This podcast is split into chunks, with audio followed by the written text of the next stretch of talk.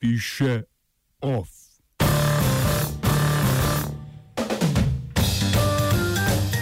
Ukrajina prepovedala vstop v državo vsem za boj sposobnim ruskim moškim.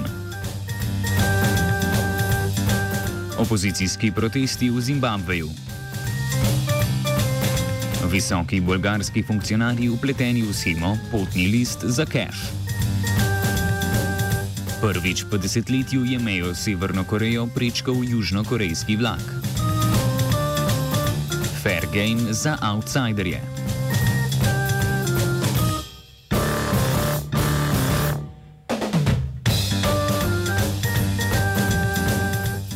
Ukrajinska vlada je naznanila, da bo prepovedala vstop v državo ruskim moškim starim med 16 in 60 let. Izjema pri prepovedi bodo humanitarni primeri. Prav tako so ukrajinske oblasti preiskale dom ruskega pravoslavnega klerika očeta Pavla, ki je vodja samostana Pečersk v Kijevu. Maščevalni ukrepi proti Rusiji se nadaljujejo že od ponedeljka, ko so v bližini Krimskega polotoka ruski obmejni stražari sprožili strele in zasegli tri ukrajinske vojaške ladje, ki so plule skozi Kerški preliv med Črnim in Azovskim morjem. Ukrajinski predsednik Petro Porošenko je po incidentu sklical nujno sejo sveta za nacionalno varnost, v parlamentu pa so dan zatem izglasovali uvedbo izrednega stanja. Rusi zasego ukrajinskih ladij upravičujejo z dejstvom, da so ladje namirno izzivale mejno policijo in nezakonito vstopile v začasno območje, zaprto območje ruskih voda. Več o napetostih med državama lahko izveste v današnjem kultivatorju ob petih.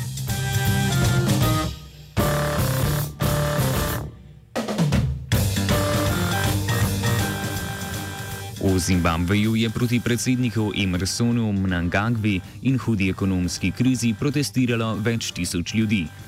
Proteste je organizirala opozicijska stranka Gibanje za demokratske spremembe, udeležil pa se jih je tudi predsednik stranke Nelson Chamisa. Slednji je sicer poraženec julijskih predsedniških volitev, ki so sledile odstopu dolgoletnega predsednika Roberta Mugabeja.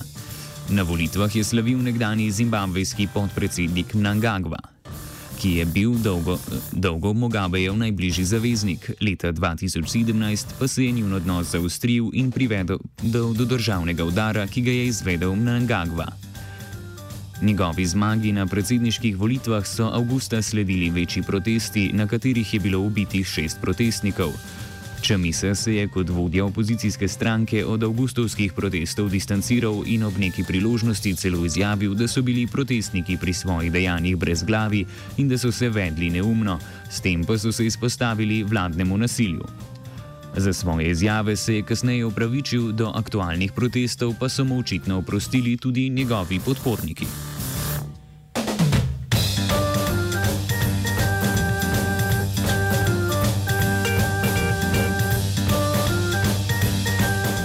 Bolgarska žvižgačica Katja Mateva je na spletnem portalu Euraktiv razkrila dokumente, ki dokazujejo schemo ilegalne prodaje bolgarskih potnih listov.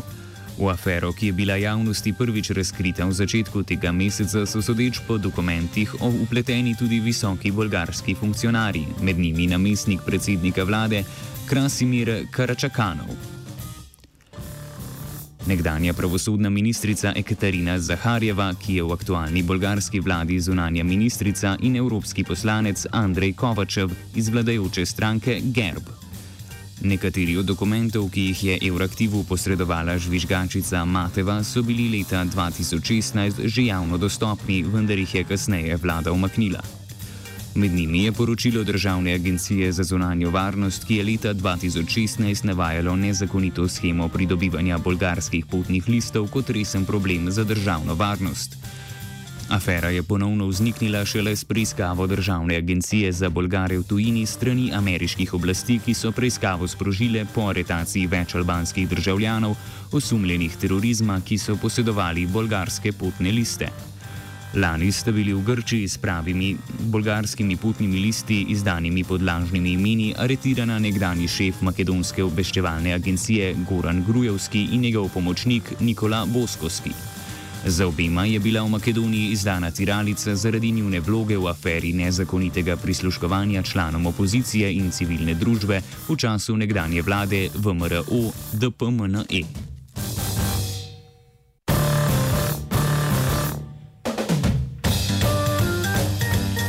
Letalo nemške kanclerke Angele Merkel je bilo sinoči že uro po vzletu iz Kolna prisiljeno zasilno pristati. Kanclerka je bila namenjena na odprtje vrha G20 v Argentini, ki ga bo zaradi zapletov na krovu zamudila. V nemški vojski so zanikali možnost, da je pri zapletu šlo za namirno sabotažo letala.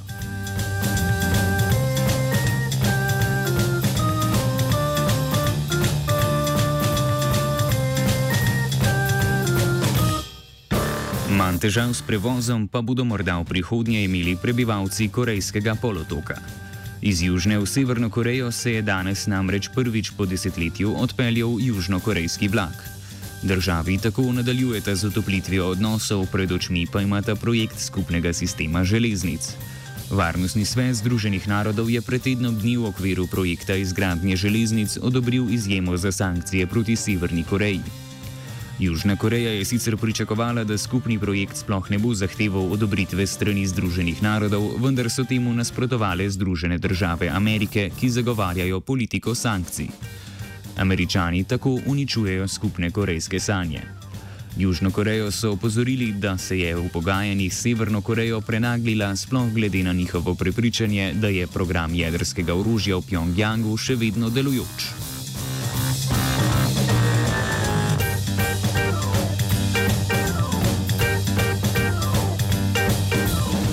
Skupina migrant, ki je skupaj s 6000 drugimi obtičala v Tijuani na mehiški strani meje z Združenimi državami Amerike, je pričela z gledovno stavko. Migrantke stavko nasprotujejo počasni obravnavi azilnih prošenj.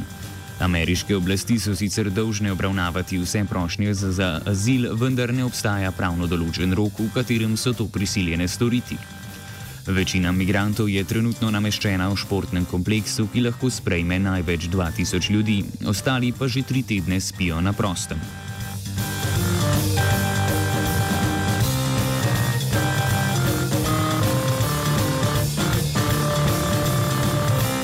V Indiji je proti parlamentu v New Delhiu korakalo 20 tisoč protestnikov indijskih kmetov, ki zahtevajo više cene za pridelke in odložitev plačila dolgov. Protesti v podporo kmetom so se odvili tudi v sredo, prejšnji teden pa so protestirali kmetje v Mumbaju. Kmetje so tvorili glavno bazo podpore indijskega premija Narendra Modija, se pravičujem, Narendra Modija, ko je ta prevzel položaj leta 2014. Njihovo podporo pa bo potreboval tudi na volitvah prihodnjo pomlad, če želi ostati na oblasti. Modi je kmetom v predvolilni kampanji obljubljal dvakratno povečanje prihodkov do leta 2022, kar se je do danes izkazalo za prazno obljubo. Oba, če, če bom odgovoril na angliški. Uh, uh, Slovenija bo poskušala pomagati. Slovenija bo in bomo naredili utmost, da bo rekla, da je situacija naš problem, naš sebe. In bomo make further steps as soon as the conditions are uh, very, very serious. News from Slovenia. We know how and we will. Prvi mož slovenske nacionalne stranke Zmago Jelinčič je na vlado naslovil pisno pobudo za uvedbo novega državnega praznika, praznika Zedinjene Slovenije, ki bi ga praznovali vsako leto 29. novembra. Prav tako je Jelinčič v imenu svoje poslanske skupine na vlado, Ministrstvo za zdravje ter Ministrstvo za gospodarski razvoj in tehnologijo naslovil pobudo za legalizacijo prostitucije. Legalizacija prostitucije bi po mnenju Jelinčiča omogočila nadzor zdravstvenega stanja oseb, ki se ukvarjajo s prostitucijo, hkrati pa tudi njihovo zdravstveno zavarovanje.